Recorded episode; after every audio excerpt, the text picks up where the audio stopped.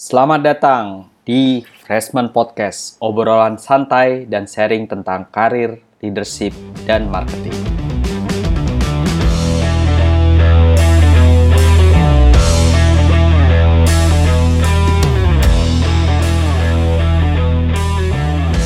Welcome to the Freshman Podcast, and we have very exciting topic today, which might be very relevant that we are currently face in these current situations. How to grow in Indonesia post-pandemic. So I always believe that Indonesia is remains attractive and potential pre and post-pandemic. So I'm really glad that we really wants to share the knowledge on how we can actually grow the business post the pandemic. Let me introduce myself. My name is Pratitis. I will be your host here, and then I'm glad that I have uh, the special one or the guest speaker with Sachin Prasad. Uh, Sachin has a very uh, wide range of uh, experiences, starting from a blue chip FMCG in the world, and then consulting firm, one of the biggest consulting firm in the world. Then he's actually been in Indonesia like three years as president director of one of snacking company in Indonesia. So let me introduce you to Sachin Prasad. How are you, Sachin? Baik, Alhamdulillah. Wah, good to hear that. You can still still speak in Bahasa. I love uh, Bahasa and I love my time in Jakarta. And thank you so much, Pratitis, for having me on your show. Yeah, yeah. Thank you so much, uh, Sachin. Uh, it's, it's I'm very uh, excited to have this podcast because there's one thing that I'm actually I feel nervous when you are actually uh, interviewed me and the first time in, at Chitos, uh, Sachin. If you remember that, but I very well remember in Starbucks. uh, yeah, yeah, yeah. In Starbucks, uh, you came with a batik shirt after the you are attending to your uh, uh, your Pak Pak Tarno uh, son uh, weddings, right? So glad to to to I mean like to have you here, and hopefully you're not nervous because right now I'm interviewing you in the podcast. So so it's good. So what do you think? Uh, how are you, uh, Sachin? Can you tell me about uh, yourself, uh, how you've been, and then probably you can introduce yourself. I already have your uh, your introduction. Probably you can have your introduction right now for you, Sachin. Sure. No, thank you so much uh, for the opportunity as well, Pratitis. It's it's a it's a very exciting, honestly, to be on your uh, talk show. Uh, we I, I spent a good three and a half years in Jakarta, and I had an opportunity to experience what a beautiful culture Indonesian culture is. And uh, to start with, I'm still missing a lot of amazing here and i'm uh, missing a lot of uh, uh, amazing smiling happy people uh, that i was really enjoying to spend my time in jakarta uh, and uh, at this point i am in singapore and what i do is in the same company i'm looking much wider across asia pacific middle east africa markets Wow. So it's uh, it's ex- exciting uh, because uh, the world is going through a roller coaster, as everybody knows. Uh, all your listeners would know, uh, and it's not only in Indonesia. It's very interesting to see, uh, sitting from where I am sitting, how different countries are going in and out of uh, unpredictable lockdowns, unpredictable uh, consumption challenges, and unpredictable, uh, very challenging vaccine journey and everything. Wow. Yeah, it's indeed it's not in the textbook that we have experienced before Sachin, but I think it's a great experience for us to move forward and that this is actually a perfect learning for us, right?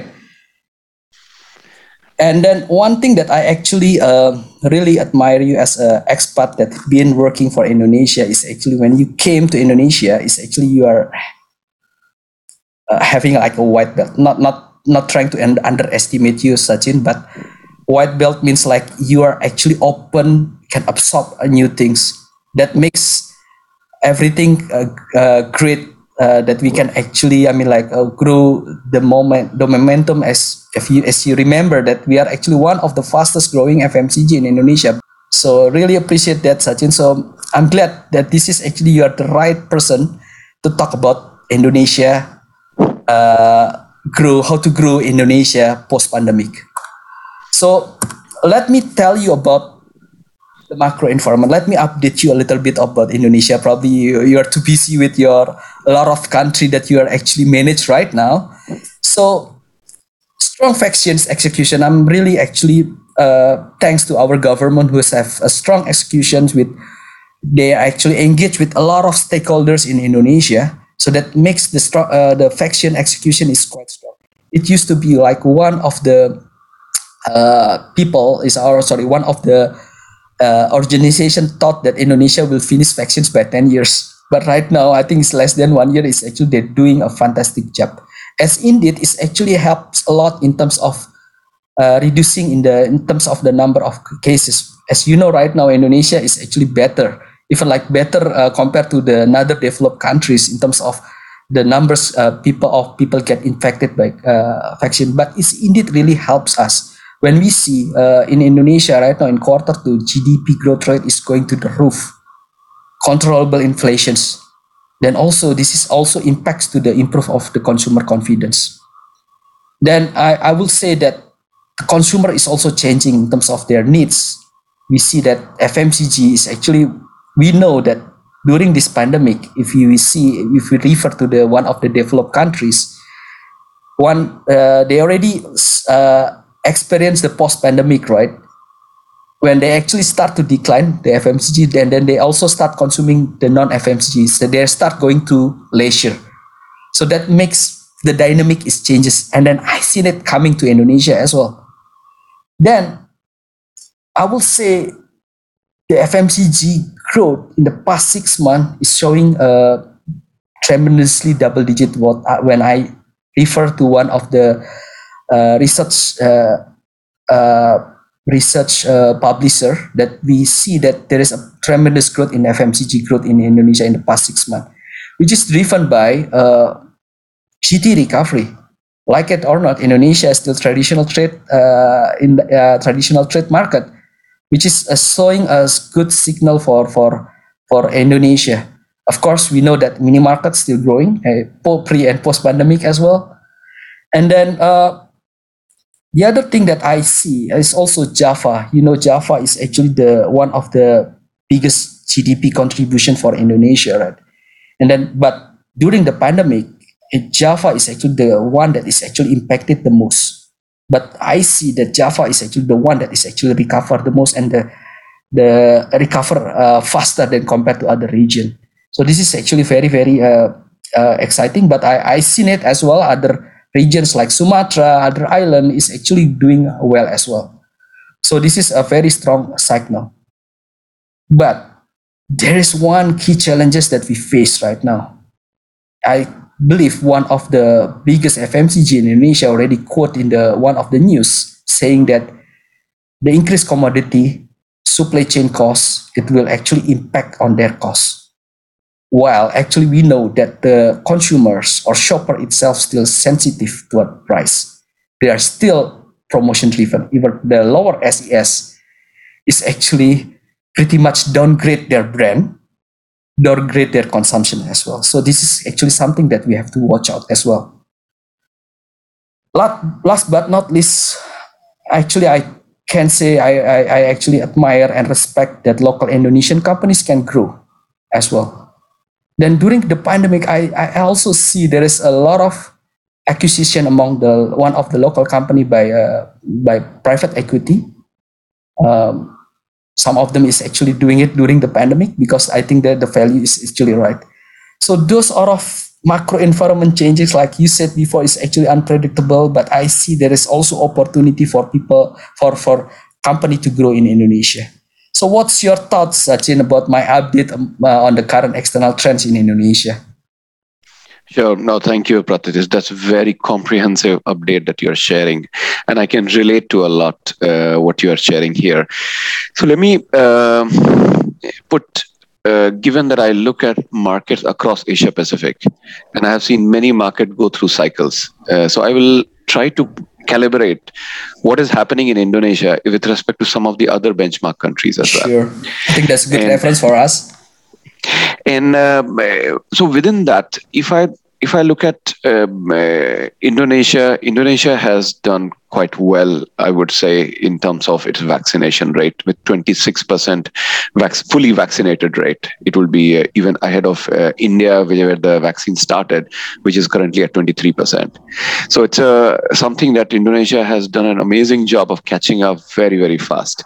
It is on the other side of the curve in terms of the cases uh, and it has managed uh, some natural challenges, but it has come out quite strong on the other side. I feel, uh, in terms of the uh, when we observe countries go through the big COVID wave, and on the other side, when they emerge, the consumer always comes back with Hmm. a consumption uh, need. Now, there are two kinds of consumers. The way uh, when we look at multiple countries, we are dividing. Traditionally, we always talk about SES A, B, C, and then D. Uh, the internally, we are defining it as uh, constrained consumer and insulated consumer.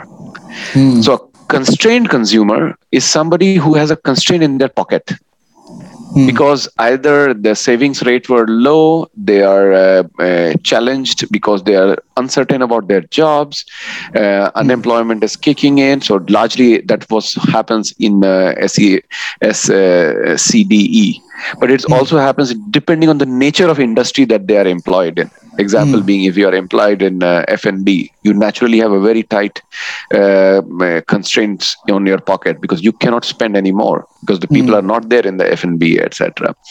And there is another one which is an insulated consumer. Insulated consumer are the one who are not able to go out as easily, but they have money in their pocket, so they want to spend Ah, yeah, yeah, yeah. And then on top this insulated consumer the double uh, advantage to them is that they are not able to travel internationally. So their money is available in their pocket and they need that experience of breaking away from the monotony. And the moment that opportunity comes this insulated consumer wants to spend. And they will go into spending spree every time uh, situation starts getting normal. What we are observing in india in pakistan. Early years we were observing it in china. Whenever the big waves go back and uh, consumers uh, feel that okay this is a little bit more reliable the insulated consumer comes back and does a revenge uh, buying. They Oh, spend. okay. and they are like you know okay i've been held back in home. Now is the time that i need to go back and i need to pamper myself. And they spend Hmm. so that's one uh, dynamics. But the other one which is the constrained consumer who doesn't have money in their pocket they are cautious. In some countries government has given grants direct money transfer to them uh, in the time of tough crisis especially for uh, smes now um, that helped them go through the consumption. But over time they are in a very tight position because of the uncertainty of their future. So uh, what i would say just the, putting the the two together where i characterize indonesia is is on the other side of the wave where the virus is an endemic and it is very well present. People will be more ready to go out and the mobility will continue to go up. Uh, right now what i see in indonesia the mobility is, is up possibly Yes, in the correct. stores, uh, but still not up enough in the transit, in the offices, which will also come in, is my forecast in the first half of next year. Hmm. Uh, along with that, uh, hopefully some multiplier economic uh, effect will come in some of the still constrained economic activity like malls, like uh, uh, wide scale use of away from home or the food and beverages will come in in the first half next year. So this overall coming back of consumption is I'm quite positive about uh, looking at the first half of next year uh, and onwards. Wow, that's very interesting. I, I think we share the similar trends. For example, like let, me give you an example. Like the upper class right now, they cannot go out. Right, some of them can still go overseas, but because of the when they coming back to Indonesia, they need to do quarantine like five to seven days. That's why the domestic travel, I think, is going to be one of the area that is actually going to go big one day. Which is actually I'm actually keen to to see it happens. And as you know, Sachin, in Indonesia, is actually the GDP is actually coming mostly coming from the those domestic consumptions, right? So the good things is actually what what I heard from you is actually the lower SES. The government has doing a fantastic jobs giving the incentive to the, the lower SES so that they can actually start to do the consumptions. But unfortunately, as you know, I mean, like they have to prioritize on the their consumptions, right? So FMCG is actually one of the key uh, uh, in expenditure that they might squeeze. This, they, they are either they're reducing the consumptions or actually they downgrade to the uh, affordable product. So that's actually creating a, a, a big uh, challenges for the manufacturers. And then the other things that I'm sure you're also face, I, I, I'm already aware that the commodity as well. So it's very, uh, it's very dynamic uh, at this moment. I mean, like what I I heard, I I read from the news that one of the biggest FMCGs already declared that there will be a commodity pressure, supply chain cost impacts. So I think it happens around the world, right, Sachin? Yes, no, correct. Uh, Very spot on, Pratiti. So, uh, the biggest challenge right now is what is happening around the world on the commodity cost and also on the shipping lanes, how constrained it is, and the supply Correct. chain uh, um, uh, uh, um, uh, jams that the worldwide we are facing. And let's be aware that's why is that happening? Because globally, post the curve of uh, um, uh, high cases, when the consumer comes on the other side, they start consuming. And that's the reason why the commodity costs are going up. And that's the reason why the logistics are, is all jammed up. So, natural implication of that in a developing market is price increase. And uh, so, first is there are two parts to this. Commodity increase, first of all, helps markets like Indonesia because uh, of the rich commodity uh, yes, correct. Like palm production that- oil. like palm oil, that uh, gas production, there are uh, rubber, there are a number Coal, of things. meaning, coal, yeah. the, the price of the coal is through the roof, uh, almost like three times uh, compared to where it was two years ago. So it's a very significant uh, windfall that the government and the large organization will get, which we are hoping will have a multiplier effect in terms of what the consumer get in their pocket. But the implication the the reverse implication of that is that things start getting more expensive. And that's the, the the challenging part. So there is a uh, if i look at 2022 i do see this will be this will be creating quite a uh, dynamic uh, in terms of consumer will have money to come in and spend at least the uh, insulated consumers they will have more money to come in and spend. Whereas the constrained consumer very sequentially they will come back into consumption but they will make very hard choices. Now so what does that mean for uh, in terms of managing the business for an fmcg player?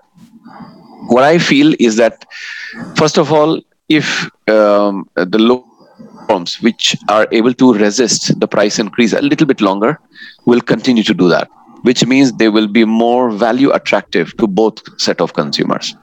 So I, my forecast is that the local companies will continue to gain uh, their momentum in the, I think in so. the first half uh, next Yeah. year.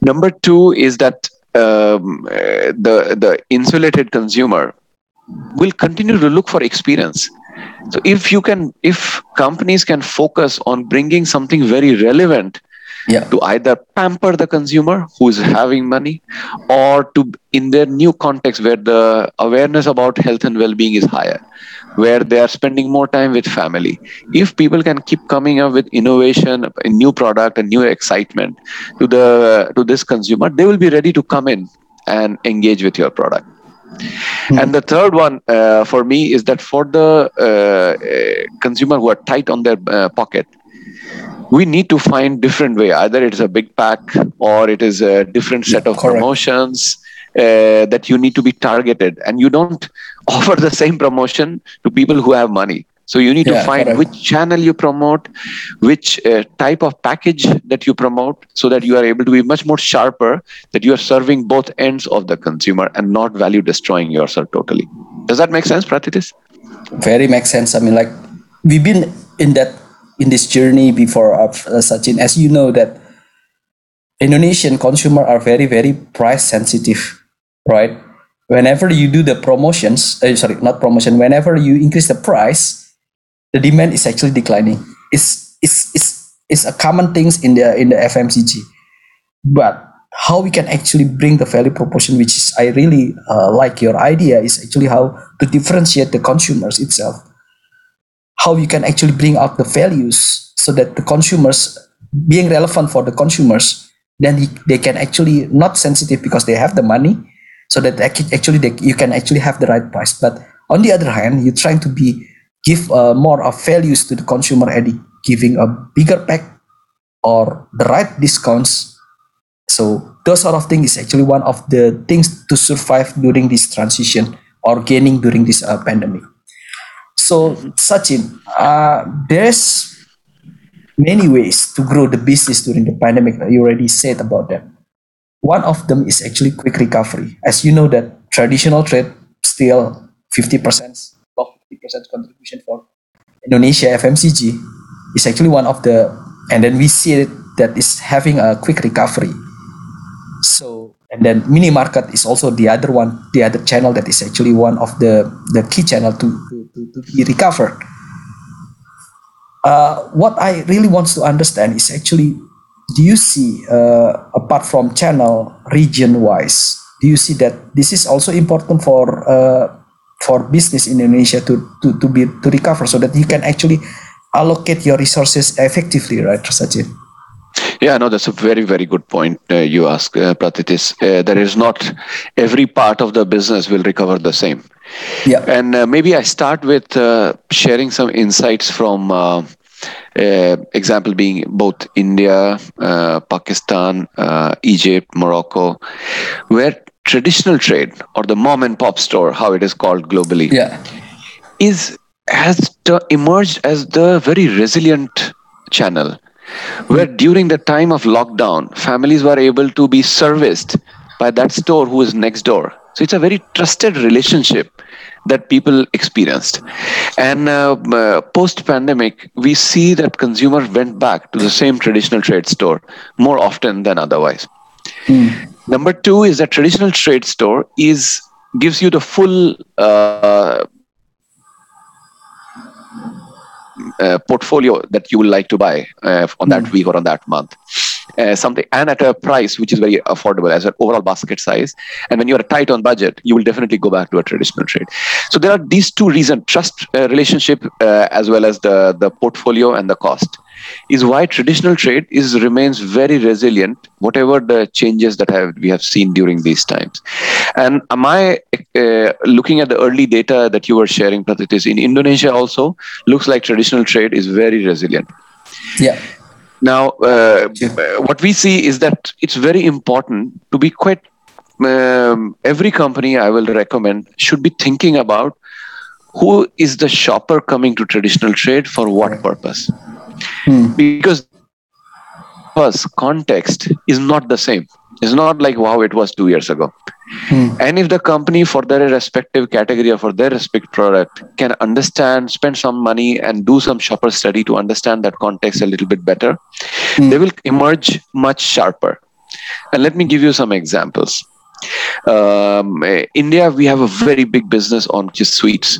And we were seeing very strong bounce back of traditional trade in India. Wow. And uh, what we realized is that consumer who has sweet tooth, they are not ready to buy the sweets. Like in Indonesia, we have goreng goreng that we all Yeah, okay. uh, eat, right? Right, yeah. In India, we uh, eat everything uh, which is uh, uh, milk-based sweets. Okay. Now, the consumer is not ready to trust the quality of those products. And naturally, instead of that, they start buying small pack, big pack, everything. Now, this is a very important shift uh, from the shopper's uh, perspective, what happened. And then we were able to, uh, I mean, a number of companies, uh, they were able to adapt to how they will move from one uh, uh, catch the attention from the shopper. So my encouragement to everybody in Indonesia would be that focus on traditional trade. It's there, it's big, but spend some time to think about what is there a shopper mindset that has changed, and hence what can you, what different portfolio you can sell with different promotion that you can sell. Does that make sense? It's correct, uh, Sachin. If you see in Indonesia, you know, right, the coinage in Indonesia, right, 1,000 to 2,000s, right? right now it's actually what I see is there is a shift. Uh, I don't know in one of the uh, snacking category. I, I cannot say uh, other uh, other other industry because I cannot I don't have the data. But uh, in the snacking category, one of the snacking category, I see there is a shift from one thousand to thousand price point. So it's there. I mean, like I, I agree with your point. I mean, like the value is there, but the next question is whether you need to grow your core NPD or uh, or versus NPD, because during the pandemic we see that people is getting back to their basic, getting back to their brand that, that their trust. That's why they're focusing on the core. What I see is actually investing in your core brand is actually still you need to invest on that. I mean, like uh, you need to re- to remind the consumers that your brand, your your, your proposition is actually there. Means like in Indonesia, if you see the media inflation is actually increasing significantly, even though that is pandemic, people start still investing in TV, digital. They increase their their their, their spending there because they want to invest to build the value proposition of the brand via the, the, the communication. What, what what do you think about that, uh, Sachin? I I think there is a silver lining on that. Yeah, this is a difficult one, uh, Pratitis. Uh, I am a big believer on core, uh, personally, uh, because uh, naturally that's what happened during the lockdowns. Consumer went to the trusted brands, to the uh, something that they believed in, uh, and uh, they were, and we uh, number of companies benefited who had built in building the brands uh, over the years. Uh, coming out of the lockdown uh, is another uh, thing. Now, here is where the question is that uh, the growing the core, if it is relevant to the context of the new consumer mindset, which is the what I was talking about, the constrained consumer and the insulated consumer. Can you delight an insulated consumer with your core? Can you offer the right value via core to your uh, constrained consumer? Is the first filter that everybody should look at. And if that is the case, core is always the place to go because you'll get significant reward because a big consumption trend is just around the corner. It's coming. It will come in very big. Uh, the the part which is on NPD, this has to be thought through in the context of what is the new consumer uh, tension that is going through. Whether it's health and well-being, whether it's Yes. about uh, self-pampering, whether it is about spending time with family, and can you be relevant to some of those occasions?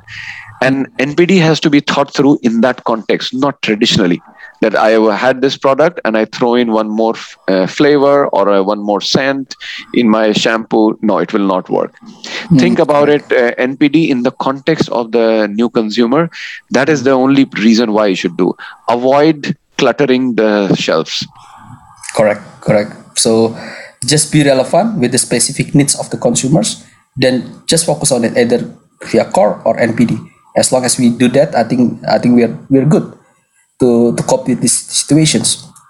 But there, there is one thing is also uh, emerged right now in, in, in, in Indonesia, Sachin, that as you know that e-commerce, when you were here, is actually growing faster. But during this pandemic, is actually growing even faster than others. I think this is the channel for the future. I mean, like everyone is actually investing in e-commerce at this moment, but probably not all of the category. But I think most of the channel, every everyone is actually starting to move to this e-commerce as well. So I think this is one of the benefit things that you have to actually uh, look at uh, and ride on this uh, wave as well. So what, what do you think about that? Is there any learning from other countries, Sachin, that we can actually refer to? Yeah, no, this, uh, of course, uh, and, uh, this will be uh, quite widely talked about thing that uh, the the adoption of digitization in one year uh, is equivalent to five or six years of pre-pandemic. So it's a very uh, inflection point kicked in because people are not able to access the normal way of accessing the products and services. So yes, it is true. And Indonesia, if I look at the penetration of FMCG uh, in the upper class, uh, just between uh, uh, 2020 and uh, 2021, it has gone up from 13% to uh, almost 20%. So it's a significant penetration that has happened. Now, again, here the question is uh, for the upper class, it is dramatic. However, for the, uh, Yeah, the classes like lower and the middle class, it has remained flat in the last uh, one and a half years. So that's a very important separation that companies need to think about Okay. that if you are going after e-commerce uh, go and uh, you are your product part of the portfolio which is focused on the upper class or the insulated consumer Hmm. e-commerce is a v- absolute necessity for you and it is going to if at all keep multiplying because once the consumer comes on e-commerce they continue there it's a very Yeah. sticky channel Correct. so you, people don't go back so it's a and that's the reason why i will strongly encourage people who have not been there if you are over indexed to upper class and possibly to middle class. Uh, you need to get your portfolio your activity and that should not be only at the listing level. It should be even more than that in terms of a different portfolio different way of activating uh, uh, so that you are relevant to the consumer. One thing that i would also say it's not only e-commerce. There is another part to this which is uh, there is it's still early stage but it's a very strong wave coming for digitizing the traditional trade stores Correct. Isn't it that is well? and and that is something that has caught uh, is an EB2B or uh, uh, is what it is called in number of countries. Like Alibaba is extremely strong in China, We're serving the traditional trade stores, small small of them. It's a similar thing that is around the corner in Indonesia, and I uh, say that in another two and a half years, that will be quite a significant force. So, if uh, your listeners are uh, working in small companies who have a challenge to go deep in traditional trade, this is an absolute blessing Hmm. that you need to jump onto that wave now, whatever it takes, to be the front and uh, front runner on that agenda. So if I can say that if you want to go big over index in your upper class, e-commerce is a must. Lower class, you still need to strengthen your traditional trade. If I can, if I can say that, yeah. Yeah, correct. So there is one key challenges, uh, Sachin, the right consumer proposition. Like it or not, probably for some company, they need to increase the price just to accommodate the rising commodity prices. So for me, I think the way if if pricing is uh, increase is unavoidable, you need to dial up your right consumer proposition. Why the consumers need to pay more? What is actually the benefits? What is actually the relevancy? So, what do you think about this, uh, Sachin? Yeah. This is always the the centerpiece of all FMCG uh, players, right? Yes, correct. because uh, matching price uh, or not matching price depends on your sourcing, supply chain, and everything. But getting the proposition right is really the the centerpiece of your business, and uh, of course, it's uh, always important, and uh, it remains important at this time. It's even more important when you have to take price up. So it's it's going to be there is no short term fix to this consumer proposition. That's uh, the unfortunate reality. Either you are good at it, and you are um, uh, you continue to do that and have a deep consumer connection with strong brands with a strong product portfolio, or you will be uh, challenged uh, specifically when you take up pricing. And it's not that into counter pricing you can suddenly dial up the uh, consumer proposition and you won't have an impact. You will still have an impact. So it's it's something. It is timeless. Uh, and if people have not invested in their innovation with a right R and D, right talking to consumer, it's a problem. Uh, what what is uh, there? Are, I will separate well-established companies and small uh, brands. Uh, Now, well-established firms uh, will have to think about that: are their uh, core products relevant to the new consumer context or not? If they are spending more time at home, can their product be consumed at home more uh, than actually on the go? If they come back to workforce and they're very nervous about health and well-being, can you offer something which is relevant to that or not? Well-established products, can that be adapted to that or not? So that's the the thing for the big companies. For small companies, they have an amazing opportunity to forget about the the challenges of against the big brands. Here you can be quite niche and go after those unique needs either for millennials or you can go after for uh, well-established families. Yeah, you can go after uh, well uh, see people seeking very distinct halal propositions. So there are many things that small companies can take position in at this point where the big companies are going to go through the pricing challenge they are going to uh, be limited by many things that they can do so if at all this is a blessing for small brands to come up with the right proposition and land it with the their super targeted consumer don't go broad be very precise who do you stand for and for what Hmm, interesting, Sachin. Remember, I, I, actually, I told you before. I mean, like after the crisis, the competition is getting getting exciting. You know, I mean, like many companies will emerge, many brands will emerge. So I think we're going to see that after after uh, the post pandemic. This is what, what what I can take from your your your your points. I think it's very interesting. So, Sachin, this is the last question from you for for you. If you can prioritize which one that you you will pick in terms of how you grow how, which one that you you have to focus more so that it actually trickle down to everything? So for who, for which company? Local multinational big or small?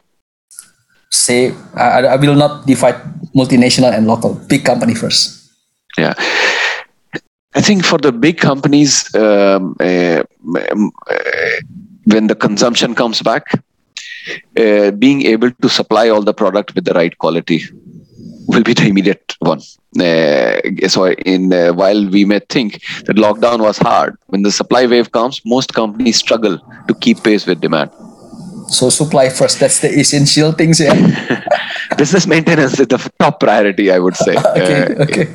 Uh, number two is uh, having a, a stronger grip on uh, uh, traditional trade, capture the moment in traditional trade. Mm. number three, it would be evolving your thinking for two separate set of consumer at least for the next uh, 12 to 18 months. And be very clear what is your program for the insulated consumer? What is your program for the constrained consumer? Because mm. both are here to stay. And the last one is land the pricing but support the brand when you are executing the pricing so that you are able to pass through the uh, uh, that tough place. And don't look for short term margin fixes but maintain the consumption capture because once you have those consumer you can sustain it. Hmm. Interesting sachin. How about for the small company sachin? Small company i would say uh, need to think about the uh, over index first to understand the consumers. Hmm. this is an unusual opportunity almost like you know once in 10 year opportunity where the consumer mindset is evolving or changing Hmm. If new consumer needs to find its angle to come in, whether you look at US or you look at uh, China, the number of new companies that have come in post this experience is very high hmm. because everybody is expressing their individuality and small company have an opportunity to go targeted on few uh, consumer segments consumer need spaces with their product so my encouragement for small company will be don't go uh, blanket blind. Go very targeted who you want to go for. That number two this is your opportunity. At one end you struggle to get listed in mini market and another end is very difficult to get scale in traditional trade. But this is your opportunity when the big wave of traditional trade uh, digitization is coming. Try to capture that. So these will be the two advice that i'll give for uh, small companies. Wow. Thank you so much sachin. I think it's very interesting fruitful discussion that I have. But unfortunately, I think uh, we have to conclude our podcast. So, your final statement, Sachin, on how we can actually grow post pandemic in Indonesia.